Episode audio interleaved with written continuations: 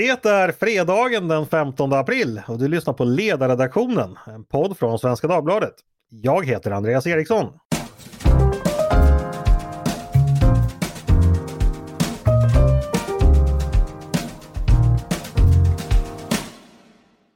Varmt välkomna till oss denna långfredag vars plågor vi ska försöka förkorta för er med lite poddande. Men lång eller inte, fredag är det i alla fall och då som vanligt är det dags för oss på redaktionen att samla ihop oss för att berätta vad vi tycker och tänker och vad vi tycker att ni ska tycka och tänka om saker och ting i samtiden. Med mig för denna uppgift har jag exempelvis Mattias Svensson, välkommen hit! Ja, hur lång är din fredag som Robinson Crusoe sa? är, du är du lång i synen Mattias? Jag är långsynt. Ja, och långsint. Nej, det är du faktiskt inte. Du är verkligen inte långsint. Dig kan man bråka med och sen är du glad sen efteråt. Det är en bra egenskap Mattias. Välkommen hit i alla fall. Tack så mycket. Med oss också eh, Tove Livendal. Välkommen hit. Tack. Du är ju en traditionstrogen person. Hur ser du till att långfredagen blir tillräckligt lång? Ja, jag tror att det blir eh, lite arbete i trädgården. Mm. Kontemplation. Det är ju så, alltså idag ska man inte ha roligt, man ska inte gå på bio och inte spela kort. Och min pappa påstår att i hans barndom så sände tv enbart helikopterbilder från det heliga landet när det var långfredag. Jag vet inte om det är sant eller inte, men, men han påstår det. Eh, med oss slutligen också, eh, lång är han också, Peter Wennblad. En gång i tiden Sveriges tråkigaste kommunpolitiker. Eh, är du lika tråkig idag när det är långfredag? Ja, ungefär så. Va? Ganska tråkig är Väl, Välkommen hit i alla fall. Tack. Vi ska börja förstås med veckans årets kanske, århundradets kanske stora politiska nyhet som Torbjörn Nilsson på Svenska Dagbladet kunde rota fram i onsdags. Att eh, Socialdemokraterna, eller åtminstone S-ledningen med Magdalena Andersson i spetsen, har bestämt sig, eller ska ha bestämt sig, för att säga ja till NATO. Det är förstås riktigt, riktigt, riktigt stort. Tove, vad, vad, tänk, vad tänkte du i onsdags när du hörde detta? Jag tänkte äntligen. Eh, mm. Det har ju varit på väg och jag tror att det har vi har ju sett någonting, jag skrev för ett tag sedan att det här kommer hända och Claes Arvidsson har väl också varit inne på att eh, Sverige kommer att hamna där vi ska till slut. Eh, omvärlden har ju på något sätt gjort förutsättningarna alldeles tydliga när det gäller detta men politiken behöver göra sin process också och eh, mm. det är det vi ser nu. Jag tycker att det är ett eh, mycket välkommet besked. Och man får väl ändå ge att det har gått ganska fort eh, ändå. Alltså, trodde du att det skulle komma redan nu, Tove? Ja, det är, alltså, man, man kan ju inte heller... Här, jag tycker inte att det har gått tillräckligt fort. Jag tycker att det här är någonting som vi skulle ha kommit till en slutsats för många, många år sedan. Men eh, det går inte heller att säga att vi har ett, en, en helt ny värld efter den 24 februari och inte dra någon slutsats av det. Det är inte så att världen väntar på att vi ska eh, våndas, utan den, den ser ut som den gör. Så att, nej, jag, är, jag, jag, tycker nog att det har varit på väg och eh, det är också så att Sverige och Finland befinner sig i en process. Även om det är två självständiga beslut så är det ändå en gemensam process. Och eftersom finnarna är mer beslutsamma generellt sett och eh, är mer krassa än vad svenskarna brukar kunna kosta på sig att vara så, så är det klart att just nu så är det Finland som drar och Sverige eh, hakar på. Mm. Peter eh, tänker på att det är ändå ganska snabb förändring inom för Socialdemokraterna. Du hade hört Pierre Schori i radio sa du. Hur, hur, vad tänkte han? Ja, han hade inte ändrat sig. Nej, det... Eh, nej, men det var, eh, han framträdde ju i, ja vad det nu, i onsdags i mm. Nordgren och Epstein i Sveriges Radio. Och det var ju väldigt det var en ganska plågad man som man fick ja. lyssna på som tydligt kände sig liksom frånsprungen och eh, närmast förrådd av sitt eget parti i den här frågan. Ja, och det kan man kanske vara lustig åt, men, men, lite så kan man väl tänka sig att en del andra socialdemokrater känner givet historien, eller vad säger du? Ja, absolut. Vi, det här är ju någonstans Olof Palmes begravning en gång till. Alltså, den gamla S-linjen förkroppsligades ju och i mångt och mycket formulerades av, eh, av Palme. Så att det är den det är, det, det är Olof Palme man nu lämnar bakom sig. Mm. Och det, det är så förstås ingen liten sak. Eh, Mattias, har du eh, tankar om detta, den snabba utvecklingen i socialdemokratin och i Sverige generellt? Ja, alltså det finns ju ett värde av att låta den här typen av beslut ha sin gång och ta sin tid. Eh, mm måste ju ändå sägas. Eh, alltså att, att det fanns goda skäl för att ha fattat det långt tidigare är en sak, men att processen, omprövningen, anslutningen eh, sker eh, på, på uppstuds eh, är, är ju liksom inte det är ju inte optimalt. Det, det, är ju en fråga med, med många bottnar förstås, liksom, präglad av den och, och framtvingad av den nuvarande situationen. Men, men det är ju inget litet eh, beslut. Nej, absolut inte. Eh, jag tänkte skicka bara med en sak. Jag ska egentligen ställa frågor och inte ha så mycket åsikter. Men eh, jag skrev på Twitter i, i onsdags att eh, det som sker inom socialdemokratin, det är ju plågsamt för dem. Alltså, jag tycker då att vi ska lämna dem i fred vid sjukbädden nu, uh, inte störa den här processen. För minsta glädjeutrop, minsta skadeglädje från vår sida, minsta ryggdunkande, minsta vad var det jag sa det. Alltså allting riskerar att störa den här känsliga processen. Så låt Socialdemokraterna sörja Olof Palme och Pierre Schori i fred nu och sen så, ja, så går vi vidare från det helt enkelt. Vi pratade för övrigt i gårdagens podd mer om detta eh, med Christer Bringeus. Så missar man den kan man, kan man höra på det. Eh, jag tänker så här, eh, betyder det här någonting, eh, det betyder förstås väldigt mycket för säkerhetspolitiskt för Sverige, betyder det någonting annat tror du Tove eh, för politiken i, i Sverige eller för, för samhället som kommer förändras? Ja, det är klart att det gör. Eh, och det som, det som ändå har hänt nu är på rekordtid att valrörelsestämningen som eh, folk hade börjat komma i, den, den blev ju, vi kom av oss. Det var lite grann sådär, man stod och höll på och tramsade och så plötsligt så kom en eh, förpliktelse att vara med vuxna i rummet. Och min förhoppning är väl att det här leder till att Sverige i mindre utsträckning blir eh, sådär insulära som, som vi har en förmåga att bli. Att det blir, vi, vi för våra diskussioner som om omvärlden inte fanns och eh, vi har varit med om flera valrörelser där vi på något sätt har tänkt bort världen och jag tror att om Sverige eh, är med i NATO så blir det också en mer återkommande påminnelse till att förstå hur vi påverkas av andra och hur vi möjligen också kan påverka utvecklingen i världen genom de saker vi gör eller inte gör. Så att jag, jag tänker att det här är, Sverige håller på att växa upp och en del, en del sådana där eh, processpassager är väldigt smärtsamma för oss men jag, jag, ändå, jag tror ändå på den här idén om ett lärande samhälle och tycker att det som händer nu är ett steg i rätt riktning. Mm. Peter, det här med att det ibland går väldigt snabbt i Sverige. Det gick snabbt när vi sökte medlemskap i EG 1990. Det gick snabbt när eh, migrationspolitiken förändrades hösten 2015. Nu går det återigen snabbt. Eh, varför blir det alltid så i Sverige? Att vi är jättemycket emot och sen är vi jättemycket för och det har bara gått knappt en natt emellan. Har du reflekterat över det? Ja, jag har reflekterat över det och jag önskar att jag hade ett bra svar. Men eh, ärligt talat så har jag inte inte liksom riktigt begripit vad så den, den politiska eh, psykologin är.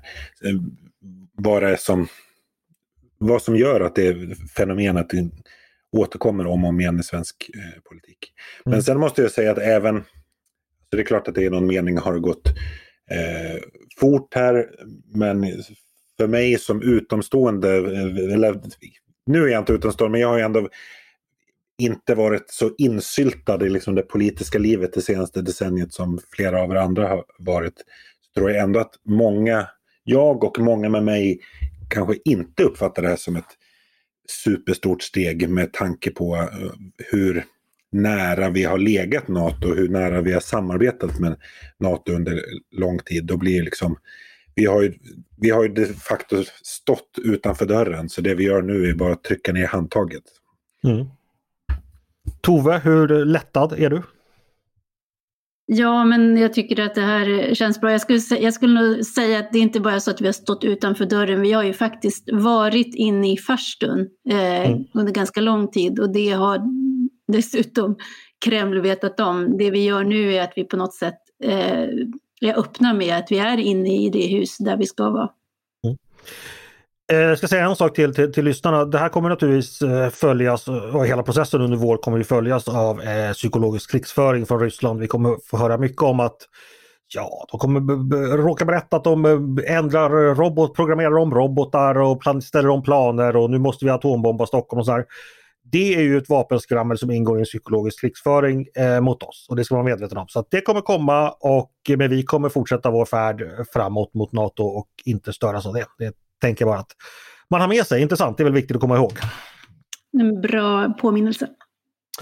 Bra, eh, men då kanske vi ska lämna detta historiska beslut tills vidare. Vi kommer säkert återkomma till det. Eh, sagt, vi gjorde en hel podd om det igår som man kan lyssna på. Eh, men det har hänt andra saker i världen också. Tänkte vi skulle prata om. En sådan sak är debatten om den svenska jämlikheten eller brist på jämlikhet. Och att vänstern har upptäckt att vi har en besvärande antal miljardärer i landet, eh, vilket naturligtvis måste stoppas. Mattias, du har gett dig in i den debatten i en text i veckan med hjälp av lite nationalekonomisk forskning. Eh, ja, du kan väl berätta själv? Ja, eh, alltså den här, den här bogen med miljardärer har ju eh, dels diskuterats tidigare när Roger Sharma skrev om detta i Financial Times och noterade att att eh, penningpolitiken, särskilt under pandemin, hjälpt många att bli miljardärer i Sverige. Eh, och det har ju lett till en del bizarra paralleller med, med Ryssland och deras oligark eh, mm. och liknande.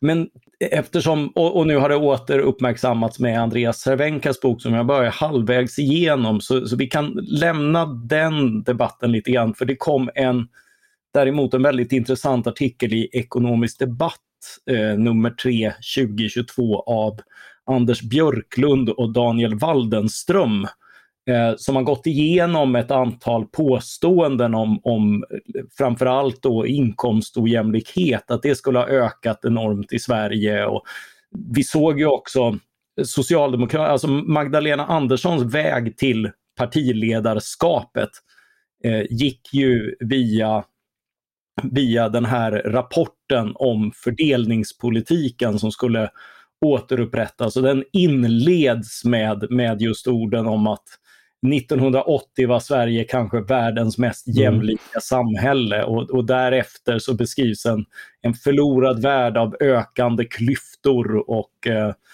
eh, det, eh, det är då socialdemokratins största uppgift att bekämpa detta och sådär mycket melodramatiskt liksom och, och, och det, det sätter ju ett narrativ som även Vänsterpartiet har varit inne på av, av 40 förlorade år då vi blivit mer och mer ojämlika. Ja, deras stora uppgift är att vrida klockan tillbaks till 1980 helt enkelt. Ja, eh, och, och de påminner ju då bland annat om att eh, Eh, det var en tid av låg tillväxt, hög inflation, kostnadskris i industrin och mycket höga marginalskatter på arbete och sparande för breda grupper. Eh, och det är inte så speciellt idylliskt. Eh, man kan också fråga sig om, om Sverige verkligen var allra mest jämlikast för, för det, eh, det är lite statistiskt osäkert. Men vad som har hänt sedan dess är att eh, ja, enligt den här Gini-koefficienten som mäter inkomstspridningen i ett land eh, på en skala från att alla har exakt lika mycket till om en person äger allt. Eh, och noterat att Sverige har rört sig eh, några delar både Eh, Eh, både i absoluta tal och i eh, eh, relativt andra. Men vi är fortfarande bland de mest jämlika länderna bland, eh, i Västeuropa och de rika västeuropeiska länderna är generellt sett mer jämlika än andra länder. Så, så slutsatsen är att, att liksom det här att Sverige skulle ha gått till, till liksom något något land av enorma inkomstklyftor är helt enkelt inte sant utan, utan det är fortfarande ett av världens mest jämlika länder enligt det måttet. Men, men hur kommer det sig att det är en så vanlig... Är det för att så många påstår det eller räknar man, är det svårt att beräkna det här att det kan bli räknefel eller vad beror det på? Det, det, det blir ju, eh, det går ju alltid att, eh, alltså dels så handlar det om att man tittar på olika saker. Eh, mm. Men det handlar ju också om den relativa förändringen. Att, att liksom politiken har gått i en riktning som är på tvärs mot den socialdemokratiska retorikens och ambitionens riktning. Eh, och det känns nog mer än, eh, mer än det syns om man, om man eh, säger så.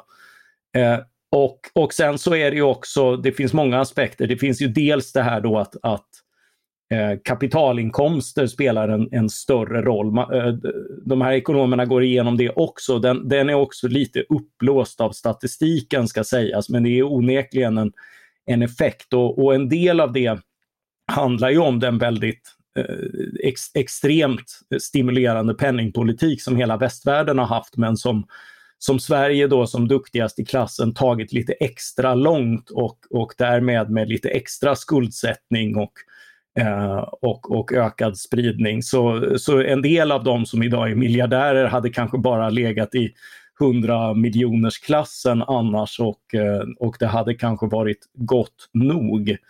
Eh, men men den, eh, den aspekten finns ju, men det är ju också en ironi att, att liksom, där har Eh, vi har haft en stor jämlikhetsutredning tillsatt av regeringen med väldigt regeringslojala slutsatser. De nämner knappt penningpolitiken eh, som orsak. Eh, och, och likaså eh, Daniel Suonen och Katalys stora projekt 700 sidor om ojämlikhet. Där tittar man också förgäves efter denna väldigt fundamentala orsak till, eh, till inkomstspridning.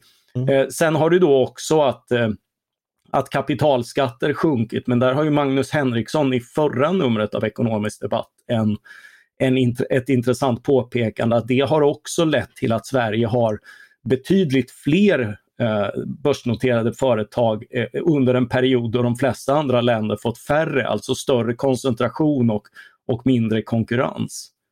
En intressant eh, sak som du också skriver i den här texten som publicerades i onsdag ska sägas. Det, det är välkänt men det förtjänar att påminnas om hur mycket rikare vi faktiskt har blivit. Du nämner ju bara att exempelvis från 1999 så har den disponibla inkomsten för en typisk svensk tvåbarnsfamilj ökat med 70 procent. Och då talar vi liksom inte om inflation utan då talar vi liksom om real inkomstökning. Det är ju ganska fantastiskt. 1999 är inte så länge sedan. Nej, verkligen inte. Jag tycker ju det var alldeles nyss. Eh, ja. Eh, och, och det där är ju också, eh, det är ju alltså, alltså köpkraft som är utspridd eh, bland, bland vanligt folk. Det handlar inte om att de rikaste har dragit ifrån eller blivit rikare utan, utan det är ju ett välstånd som kommit alla till del och som också i den här disponibla inkomsten för småbarnsfamiljer ligger ju att man får behålla betydligt mer av sin inkomst idag. Mm. Eh, tack vare jobbskatteavdragen. Och det är ju en annan aspekt som kan illustrera de här skillnaderna då, för det beror ju lite grann på vad man mäter. Om man tittar då på, om man fryser ett ögonblick och tittar på skillnaderna, eh, så, så är det ju liksom så att då har Alliansen ökat skillnaderna därför att eh, man, man lät de som jobbar som ofta har det lite bättre än de som inte jobbar behålla mer. Och samtidigt så sänkte man ersättningarna några procent i, i socialförsäkringar och annat. Så de som eh, var, var beroende av de systemen för sin trygghet eh, fick något mindre och inte den här skattesänkningen. Eh, så då har det ju ökat skillnaderna rent statiskt men vad man bortser ifrån då är att väldigt många under den här perioden och förmodligen på, delvis på grund av de här förändringarna har gått till att eh, jobba mer. Så, mm. så det som har blivit mer jämlikt fördelat och det är också till skillnad från många andra länder där, där liksom det framförallt är överklassen som jobbar väldigt mycket mer. Eh, så, så har man fått en jämnare fördelning av, av arbetade timmar och, och det ger ju liksom människor mer oberoende och sådär och har på det sättet minskat jämlikheten. Så, så beroende på vad man tittar på så, så kan både vänster och höger hitta vad de vill så att säga, men, men man behöver ha båda tankarna i huvudet och göra en värdering av vad är viktigast, liksom, människors chanser att kunna göra något åt sin tillvaro eller, eller liksom den, den frysta fördelningen i varje ögonblick. Mm, just det. Eh, passa på tänkte jag, eh, vi, vi gör lite reklam här för tidningen Ekonomisk Debatt. Den är ju oftast eh, väldigt intressant eh, och den är ju oftast, skulle jag också säga, ganska lättbegriplig även för även icke-ekonomer. Så den får man gärna titta in. Och kommer väl med, hur många nummer per år är det Mattias? Är det Jag tror det är åtta. Åtta det har i alla fall varit åtta. Ja, men visst är det oftast något läsvärt i den, tycker jag i alla fall. Ja, ja det, tycker, det tycker jag också. Jag har ju tittat tillbaka även eh, till, eh, jag tror det var 1975 som jag upptäckte ett gammalt nummer eh, när Nils Lundgren, ekonomen, var, var redaktör. Men då var ju Eh. du bara tre år gammal 1975. Läste du verkligen Ja, ekonomisk ja det, det var inte så att jag läste den då, utan jag har läst den i efterhand. Eh, men, men det är ett fantastiskt nummer som gör upp med den tidens stora föreställningen, nämligen att, att resurserna skulle ta slut och att eh, eh tillväxtsamhället är ohållbart. Eh, och eh, så här 50 år senare så, så har ju de där teorierna om att allt skulle ta slut eh, kommit på skam. Och i ekonomisk debatt konstaterar man redan då att ja, vi förstår inte riktigt den här alarmismen i, i, i våra grann, eh, grannämnen i akademin utan, utan det, det finns väldigt lite fog för de här prognoserna. De visste ju inte att bara fem år senare så, så skulle ju idealtillståndet 1980 uppstå. Eh, och sen skulle det bara bli sämre i 42 år efter det. Nej, inte heller den såg de komma. Eh, så om ni tycker då, det får bli tips till lyssnarna, tycker ni att långfredagen ska bli ytterligare lite längre så får man gå tillbaka och läsa eh, Ekonomisk debatt från 1975 tycker eh, Mattias Svensson. Peter Wennblad, eh, fråga till dig. Jäm, debatten och diskussionen om jämlikhet eh, som har, blå, har väl blossat upp och eh, ja, brunnit ganska bra senaste åren. Vad tänker du Mm. om den? Och eh, Eh, ja, ja, eller så här, konkret fråga, är den borgerliga sidan lite dåliga på att ta den här debatten och stå upp lite för sin syn?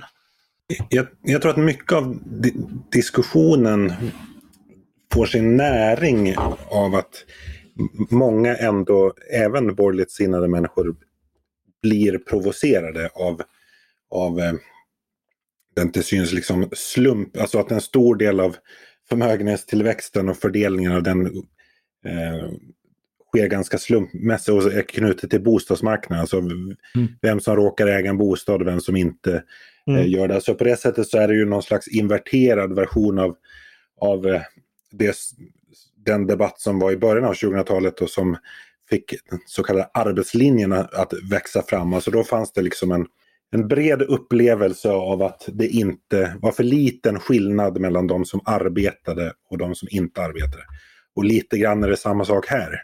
Att de som försörjer sig genom arbete blir provocerade av de som försörjer sig på att bara äga eller göra ingenting. liksom. Det här låter ju som den klassiska konflikten mellan arbetare och kapitalägare. Alltså. Precis. Mm. Fast Eh. de, de går ju in om, eh, i, i det här i artikeln och det är ju inte det just för, för det Peter tar upp utan, utan det är ju många vanliga löntagare som har upplevt den här eh, värdeförbättringen på bostäder. Så det är inte den här klassiska uppdelningen av arbete och kapital som en del försökt trycka in den i utan de andelarna går, går upp och ner eh, med åren och har på senare år faktiskt ökat för löntagardelen. Men, men det är just de här skillnaderna som Peter tar upp med, Mm. med liksom att bostäder har ökat enormt i värde på grund av att lån är billiga och, och krediter är billiga. Peter, vad ska man göra åt detta ifall det är så att det finns en upplevd känsla av orättvisa? Ja, tänk om jag hade ett bra svar på det. Jag tror inte att jag, eh, jag har det faktiskt. Eh, men jag tycker det finns ju... Alltså en del av den här upplevda orättvisan är ju, eh, tycker jag är berättigad att vara upprörd. Alltså det, det är väldigt svårt för många att ta sig in på, eh, alltså att börja göra en bostadskarriär om det fortfarande går att göra det. Alltså, eh, bostadsmarknaden är ju stängd för, eh, för väldigt många, inte bara de som, som ä- även för människor som arbetar och tjänar pengar så kan vara förvisade till andrahandsmarknaden och liksom tillfälliga boenden och sånt där. Och det, eh, jag tror my- mycket eh, börjar där. Tove, nu måste du säga någonting. Peter håller på att bli marxist här. Vi, vad, Men jag tycker att det finns ju... Det viktiga är ju här, kom, ha, skapar man ett samhälle där det är möjligt att påverka sin situation. Därför att vi föds, ingen av oss föds som oskrivna blad och vi har med oss olika saker. Och då har det blivit så lätt att man riktar in sig på det som man tror att politiken kan kan begränsa, då blir, det, då blir det pengar och så kan man använda skatteinstrumentet för att försöka jämställa spelplanen. Det kommer man aldrig kunna göra. Eh, vi, har, vi, liksom, vi växer upp och har med oss otroligt olika saker. Så det, det är ju en fråga också om hur politiken förhåller sig till olikhet och utifrån det formulerar begrepp om rättvisa och då är det jätteviktigt att borgerligheten i det tar fasta på det som Mattias var inne på, det dynamiska, det rörliga. Kan man påverka sin situation eller är man hänvisad till att stå utanför marknader som de, de som kom först på något sätt har förtur till? Men jag tänker, det finns också en del i det här som handlar om det som Wigfors torskade på. Han sa ju det här i valet 28, att fattigdom fördras lättare om den delas av alla. Men i Sverige skulle jag säga att det gäller för rikedom också eftersom vi har, som etnologerna pekar på, Eh, en förbläss för likhet i Sverige. Det, det är en sån instinkt att vi på något sätt eh, tänker att likhet är bra, vi är trygga i det. Och där gäller det ju att man hjälper till i debatten att skilja mellan eh, vad det är som ska vara lika och vad det är som ska få tillåtas vara olika. Och där var ju då, eh, som Peter nämnde, Alliansen lyckades ju med, med jobbskatteavdragen och det här att ändå peka på att jo, men det är rättvist om du genom egen ansträngning eh, försöker förändra din situation. Då, ska, då, då kan inte utfallet bli lika av det heller. Så det är en jätteviktig eh, diskussion och jag tänker också att här krävs det verkligen politiker som inte hemfaller åt de här kortsiktiga populistiska och väldigt, det finns ett kapital som man kan använda. Att, att är det olika då finns det en, automatiskt en orättvisa här. Så här finns det ett jätteviktigt arbete att göra. Vi vill inte ha några kortsiktiga politiker på långfredagen helt enkelt, eh, sammanfattar vi. Hörni, vi ska gå vidare. Eh, då tänkte jag vi ska vända oss till Peter och då är det så, han ska inte få prata om någonting han har skrivit utan någonting han har gjort. För vi ledarskribenter, vi gör faktiskt saker ibland. I synnerhet om man heter Peter Wernblad. För att, ja Peter, du ska berätta själv, men du, du har fått ett stipendium för att fortbilda dig helt enkelt. Berätta! Eh, precis, jag, i början av året så sökte jag och fick ett stipendium från eh, stiftelsen Svenska Dagbladet eh, för att eh, fördjupa mig i energi och industrifrågor. Så att eh, under året här så ska jag vara Tjänstledig i genomsnitt en dag i veckan för självstudier och studiebesök lite förenklat. Och vad var det här i veckan? Eh, jag började med att gräva där jag står. Eh, jag åkte till Cementa på norra mm. Gotland. Mm. Den omtalade cementfabriken. Där jag trots mina drygt 30 år på Gotland fortfarande aldrig hade varit. Men nu har jag det. Var produktionen i full gång? Den var i full gång, absolut. Mm. Det var glädjande att höra. Det var ett stopp förra veckan av tekniska skäl. Vad fick du lära dig där då? Eh, ja, svårt att sammanfatta i eh, någon mening, men lite mitt syfte med både att söka det här stipendiet och liksom vad jag ska göra är att det är väldigt lätt som ledarskribent att man kan, man kan väldigt eh, mycket Eh, förhoppningsvis. Men det ger ändå en annan och djupare förståelse att faktiskt se saker eh, på plats. Även om det inte liksom går att sätta fingret på omedelbart vad, eh, vad det är så blir det, det, blir, det blir en annan typ av, av förståelse att se och höra och känna än att bara läsa, vilket vi ju ofta är hänvisade till. Liksom. Mm. Ja, det, vi, det, det, är klart att vi gör det. Ja, vi skriver ju om, om stort och smått och om, om Sverige och resten av världen. Alltså, vi kan inte, för det mesta, inte vara på plats. Liksom. Mm. Nej men det händer ju någonting i huvudet på en när man väl, tycker jag i alla fall, när man är på plats. Och det är så mycket nyanser och småsaker man kan plocka upp också som Alltså dels att man lär sig på ett bättre sätt, det är kanske bara jag som gör det, men, men också att det är andra saker man lär sig som kan vara väldigt viktiga att ha med sig. Absolut. Mattias, eh, vad, vad, känner du inför det här att vi riskerar som ledarskribenter och tycker att ibland blir för teoretiska, det blir för mycket. Vi, vi tar ju så sagt del av mycket av världen via andras erfarenhet så att säga, i och med att vi läser om vad andra kanske har läst, vad andra har skrivit. Alltså, du förstår vad jag menar? Alltså, bör vi bli bättre på att ge oss ut och själv utforska världen?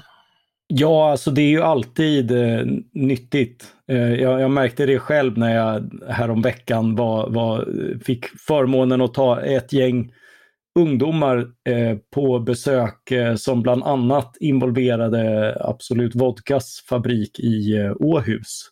Mm. Uh, och det är ju liksom, det, det är Sveriges största livsmedelsexport och, och, att få, få en känsla för liksom fabriksdrift och, uh, och eh, hur, hur, liksom den här hur, hur den här lokala produktionen funkar och hur, hur trevligt det är med framgångsrika exportprodukter också för, för liksom leverantörer och, och kedjor och annat. Uh, samt förstås att, att liksom få, få titta in i det enorma lag och robotiserade lager av eh, sprit de har i hamnen. Det var ju, det var ju närmast, eh, kanske ett, något av det närmaste en religiös upplevelse som en ateist kan få uppleva. Eh, otroligt häftigt. Och, och just, just, den här känslan av, alltså när man ser eh, och får liksom en liten blick av produktionsvolymer och logistik och sådär så, så slås man ju av hur mycket det är som, som liksom bara funkar i ett avancerat samhälle. Och det är en sån här det, det, är ju nästan barnslig spänning som man, som man känner och, och sånt vitaliserar. Och sen också få, få träffa människor med, som jobbar med det här dagligen, andra perspektiv och, och, och berättelser och sånt där. Det, det, det ger ju också väldigt mycket sån här tyst och nära kunskap som, som man inte kan läsa sig till. Så här rörd har jag inte hört dig sedan, sedan AIK tog fotbollsguld tror jag. Alltså, du verkar ju verkligen berörd av den här upplevelsen. Ja, nej, men det, var, det var väldigt häftigt. Du är lite som Dr. Lundevall i Hedebyborna. När de... Ja, och brännvin! ja, jo, nej, men det förtjänar att lyftas fram också på påskbordet. Ja, precis. Men Tove, här hör du, ge, att ge sig ut i verkligheten är bra. Ska du släppa ut dina ledarskribenter på, på ytterligare grönbete i framtiden? Ja, absolut. Nej, men det, är, det är precis som har sagts, att man, det händer någonting när man är på plats. Och det är väl också en fara nu med att vi har blivit så vana och bekväma vid att följa alla möjliga händelser digitalt. Att man, är, man sitter inte längre på plats och lyssnar på presskonferenser och sådär därför att det är mycket enklare att sitta vid sin skärm. Men då förlorar man också möjligheten att känna av det som bara, den energi som finns i rummet. Mm. Eh, så det här tror jag absolut vi får vara vaksamma på. Och det gäller inte bara för ledarskribent utan det gäller nog för, för, för samhället generellt. Att det är fantastiskt att vi nu kan hybridarbeta men eh, det är absolut så att en del upplevelser riskerar att gå om intet. Det får bli ett, vårt tips till lyssnarna då att ut och upplev sprit och cement och allt annat som världen har att erbjuda helt enkelt. Det finns massor där ute bortanför Zoom-mötena. Eh, vi ska gå vidare och då har det blivit dags för ännu ett avsnitt i vår aldrig sinande serie Så funkar en ledarredaktion. Eh, och anledningen till att vi ska ha det nu det är att det blev aktuellt i veckan på en annan tidning, nämligen Dagens ETC, eh, där en ledarskribent faktiskt eh, fick kicken mer eller mindre, Kajsa Ekis Ekman, efter en omtalad eh, text som skrevs och eh, även att hon hade eh, skrivit vissa saker i sociala medier. Och då tänkte jag så här, det här är, är, inte helt lätt för alla att begripa. Eh, vi ska inte tala jättemycket om eh, Ekis Ekman och dagens ETC men hon, hon, bara kort bakgrund var ju då att eh, en text som publicerades i måndags tror jag det var där tidningen Kiev, Inde, eh, Kiev vad heter den? Kiev Independent? Independent. Va? Mm. Ja, Independent, precis. Anklagades för att ha nazistkopplingar. Eh, och det var en text då som, ja, den, den, kan man tycka att den var ganska slirig och bevisningen för detta var, var väldigt egendomlig. Men den publicerades i alla fall på, på morgonen. Men redan på eftermiddagen så gick då chefredaktören ut och sa att eh, man avbryter samarbetet med henne Eh, och jag förstod inte exakt vad det berodde på. Det, det hade kanske inte med text att göra utan mer hennes, hennes eh, twittrande efter, eller instagrammande efteråt. Men, men Tove, det här med det du publicerar i en tidning, eh, vad, hur förhåller det sig till så att säga, dels till tidningens linje och till dels dig själv? Säg att vi sätter Peter i Ekis situation och du är chefredaktör. Är det överhuvudtaget rimligt att publicera en text på morgonen och sen eh, på eftermiddagen ta avstånd från den? Eller hur, eller hur ska man tänka? Hur funkar det? ja, nej, svaret, det korta svaret är nej, det är inte rimligt. Och eh, jag läste ju också eh, chefredaktören Andreas Gustafssons text om, om detta och där han frågade sig själv, kanske borde jag dragit den slutsatsen tidigare? Ja, är väl svaret innan du publicerade, hade väl varit bra då att göra det. Mm. Men eh, det är ju så att vi har ju lite olika modeller för hur ledarsidor fungerar och eh, Svenska Dagbladet har ju förändrats en del under min tid så tillvida att vi dels har mycket mer av signerat material än osignerat material och det osignerade det fastslår tidningens linje. Mm. De signerade utgör i mycket större utsträckning skribentens personliga syn på saken. Eh, och eh, blir därför, ja det blir en större, det blir en större åsiktsfrihet eller möjlighet att, att, eh, att resonera kring olika frågor där inte alla eller jag behöver dela slutsatsen. Och sen har vi ju dessutom då utökats, vi har ju en jättestor mångfald av röster. På ett år så är det säkert runt ett hundratal olika röster som dyker upp på ledarsidan, antingen som fristående krönikörer eller kolumnister eller gästskribenter. Och skälet till det har ju varit att vi tycker att vi, vi, vi lämnar väldigt mycket till läsaren själv, drar sina egna slutsatser, men tycker att vi kan hjälpa till med att eh, förse med olika perspektiv, underbyggda argument och att det finns ett egenvärde i att ha en både stor höjd och bredd i debatten. Men då frågar sig vän av ordning, har då Svenska Dagbladet en väldigt tunn linje? För att det är ju väldigt sällan vi publicerar opublicerade eller o, o, eh, osignerade ledare. Det kanske sker, hur ofta sker det en gång i månaden eller något sånt där? Nej, men tvärtom, det, vi ändrar ju sällan linje. Vi, det, är väl, det är det som är, eh, tycker jag, då, grejen med en, en ledarsida som håller över tid. Att vi är väldigt fasta i våra grundvärderingar och sen då och då så dyker det upp nya frågor i vilka man får pröva om de här gamla principerna håller. Och då kan det ju vara anledning att ibland att fastslå att nu, nu så här ser linjen ut. Sen Mm. så har vi ju då och då diskuterat att vi kanske borde skriva oftare osignerat också därför att det är, ja, det är en annan, det kanske blir en annan ton och, och sådär. Men å andra sidan så är det ju också en viss transparent att du som transparens i att du som läsare vet vem det är som saker och ting kommer ifrån. Men ändå alltså, eh, Aftonbladet är ju som vi, de, eller de har väl i princip aldrig numera osignerad ledare. Dagens Nyheter har en osignerad ledare i princip varje dag tror jag. Alltså, Mm. har de en, är det för att de ändrar åsikt så jäkla ofta eller har de en bredare linje?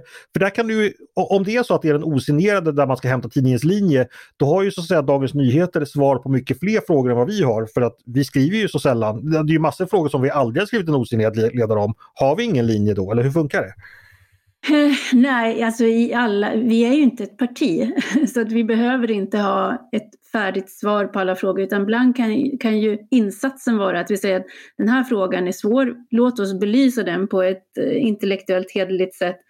Men det finns ingen nödvändighet att vi måste fastslå att så här absolut tycker Svenska Dagbladet. Jag känner inte det kravet. Nej.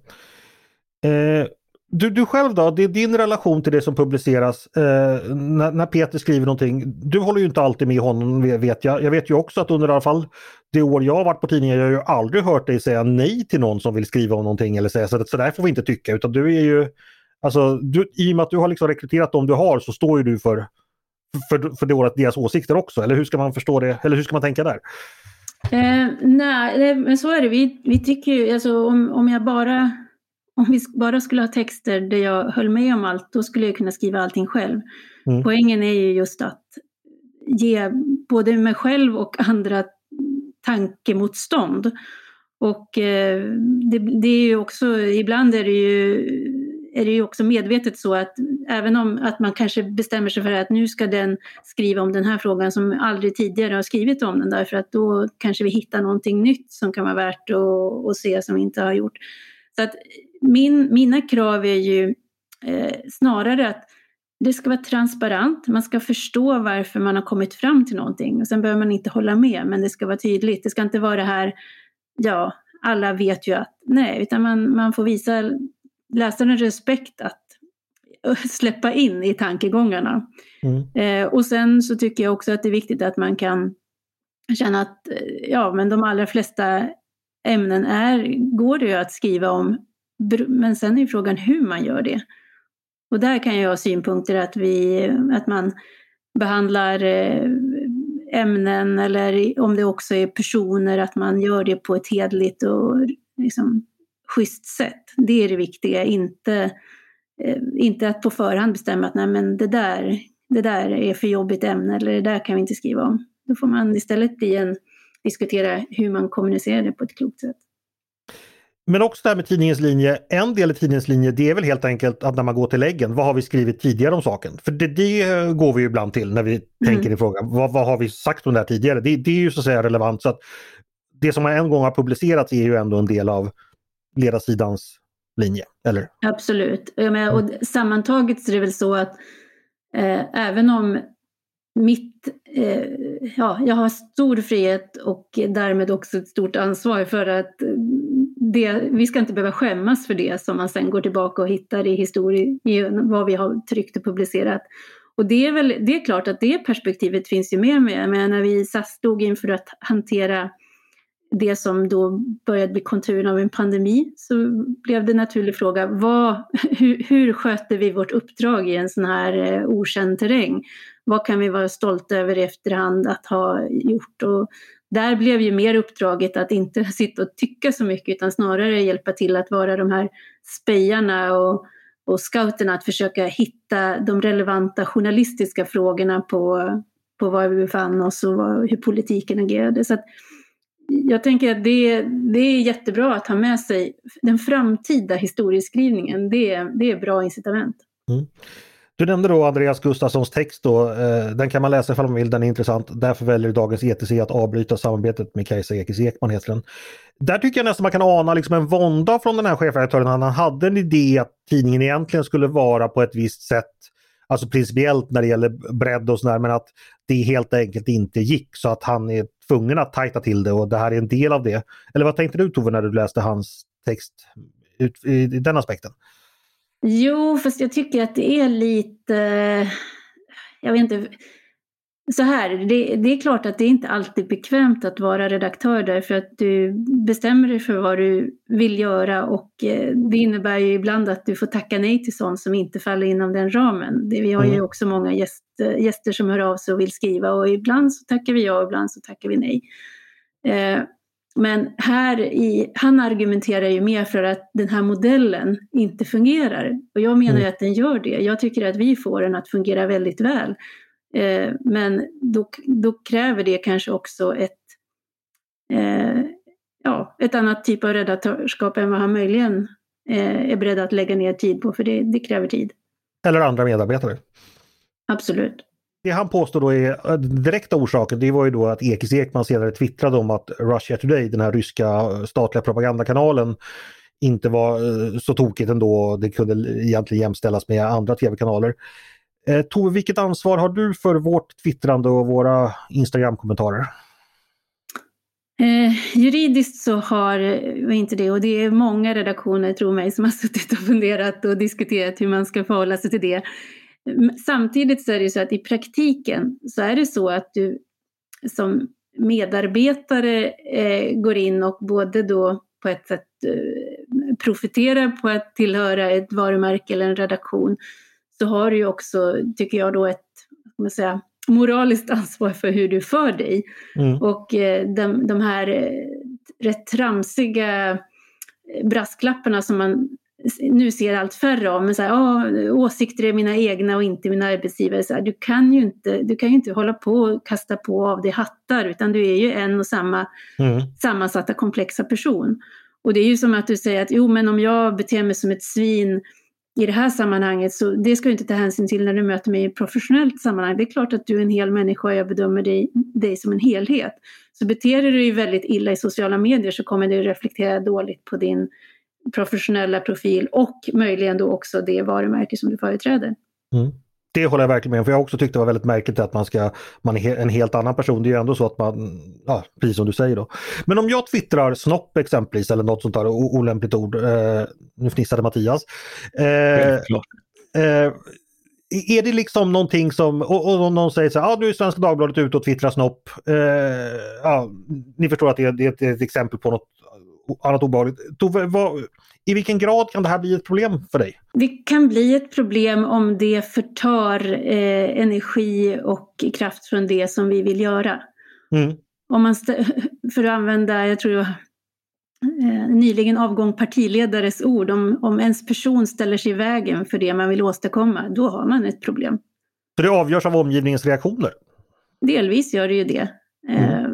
Och det, det handlar ju också att vi är ju alla individer och vi, vi har olika typer av kapital med oss i olika sammanhang och eh, är det så att eh, man har ett väldigt högt förtroendekapital så kanske man kan komma undan med att eh, eh ja, skriva mindre seriösa saker. Men eh, så det, det, det, är ju, det är ju, man kan säga så här, det finns nog inte en generell språkregel som säger att eh, om vi, om vi fyra nu som är med i podden, om vi skriver en viss sak så kommer det mottas på fyra olika sätt eftersom vi är eh, olika röster.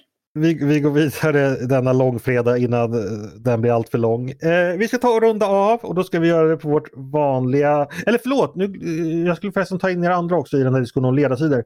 Peter, känner du så här ibland när du twittrar att jag har min svenskan kostym på sig, nu får jag lägga lite band på mig själv? Eller är du är du samma person oavsett? Mm, ja, inte att jag lägger band på mig själv, men det är klart att jag har en medvetenhet om att jag i någon mening representerar Svenska Dagbladet i alla sammanhang. Det gäller inte bara sociala medier, det gäller ju när jag är på, på krogen eller vad det än är. Liksom. Att mm.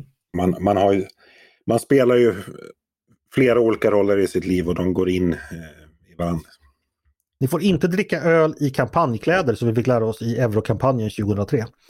Så gick det som det gick. gick, som det gick. Eh, Mattias, du är ju ganska frispråkig i alla sammanhang. Har du tänkt någonting på dina olika arbetsgivare och uppdragsgivare när du för dig exempelvis sociala medier och så? Ja, eh, och, och eh, jag tycker framförallt att alltså, Eh, ja, det går inte att helt skilja rollerna åt, men vi ska ju också vara medvetna om att eh, det finns politiska meningsmotståndare som jobbar genom att trycka ihop de här rollerna. Eh, mm. Och, och det är ju medvetna misstolkningar av precis jag menar, om, om du sitter och ordvitsar och gör dig rolig eller liksom ja, gör, gör något som uppenbart inte har med ditt jobb att göra men som någon tycker är olämpligt och du jobbar på Svenska Dagbladet och de inte håller med om den politiska åsikten.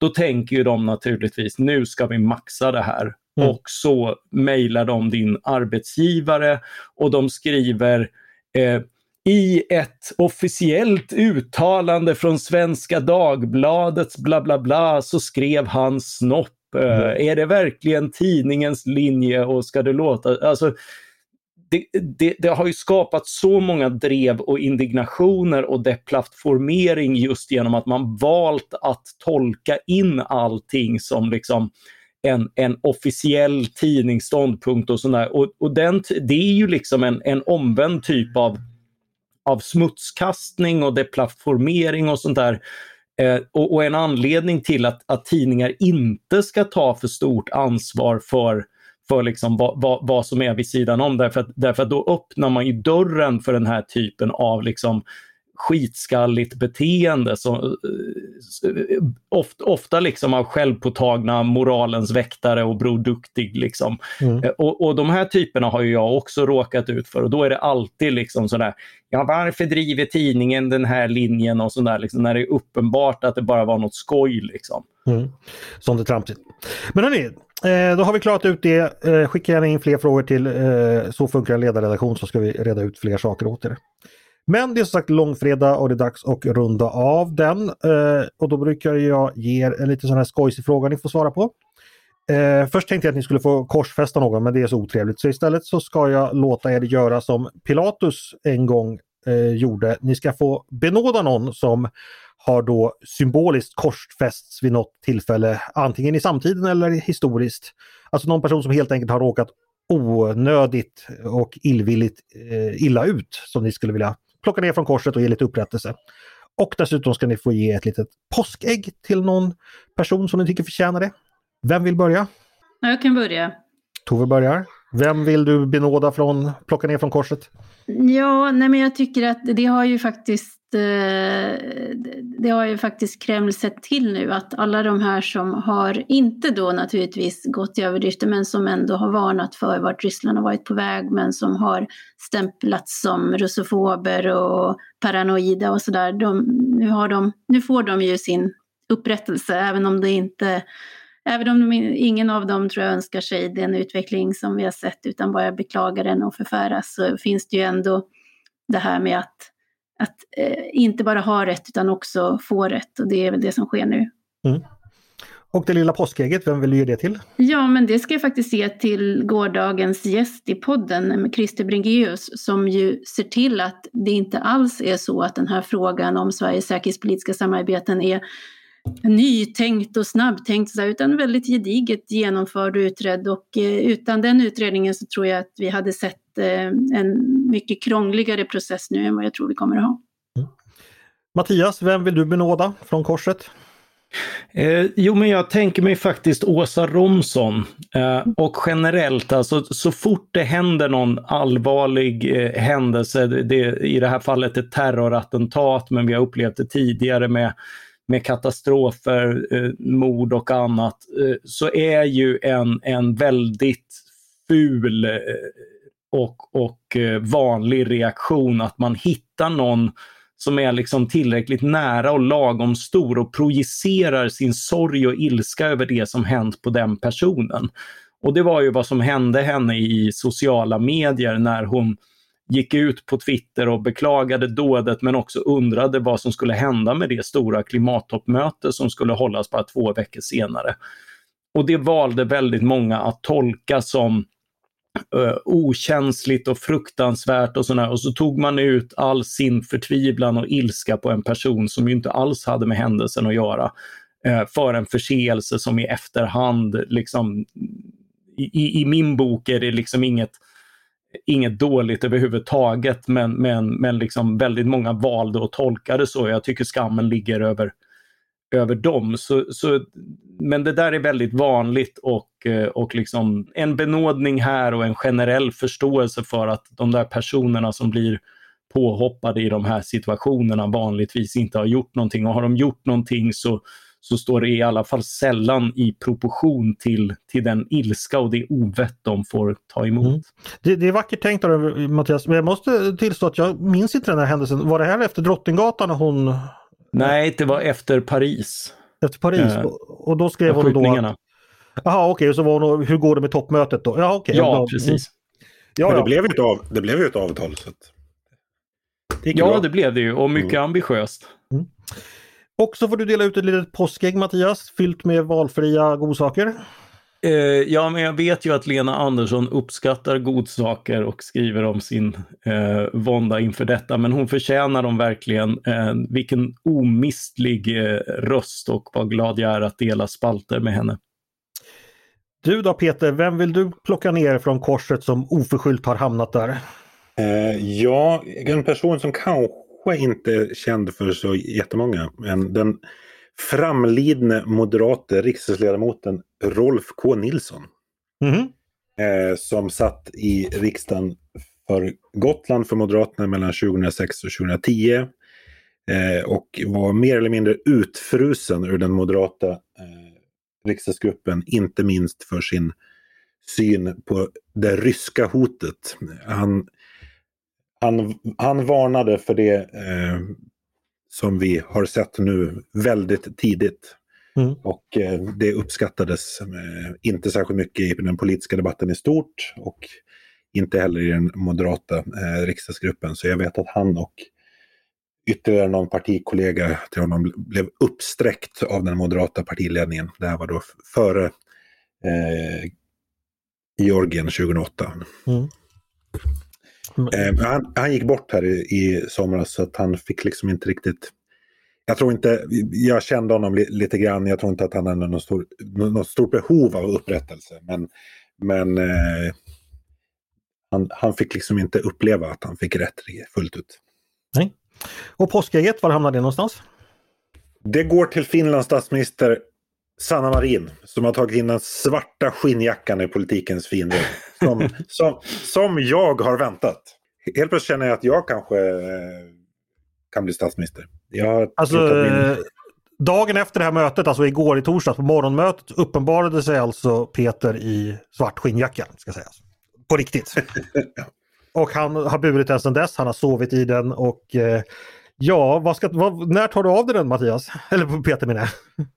Jag, jag, jag tar den ganska regelbundet men jag, förutom skinnjackan var det också att hon var helt klädd i svart vilket ju också är eh, den klädkod som jag tillämpar. Så att, eh, eh, det känns skönt att den är gångbar även i på politikens kommandohöjder. Hoppas vi att detta påskägg hittar fram. Vad, vad är det i påskägget till Sanna Marin? Vad tror du hon vill ha där i?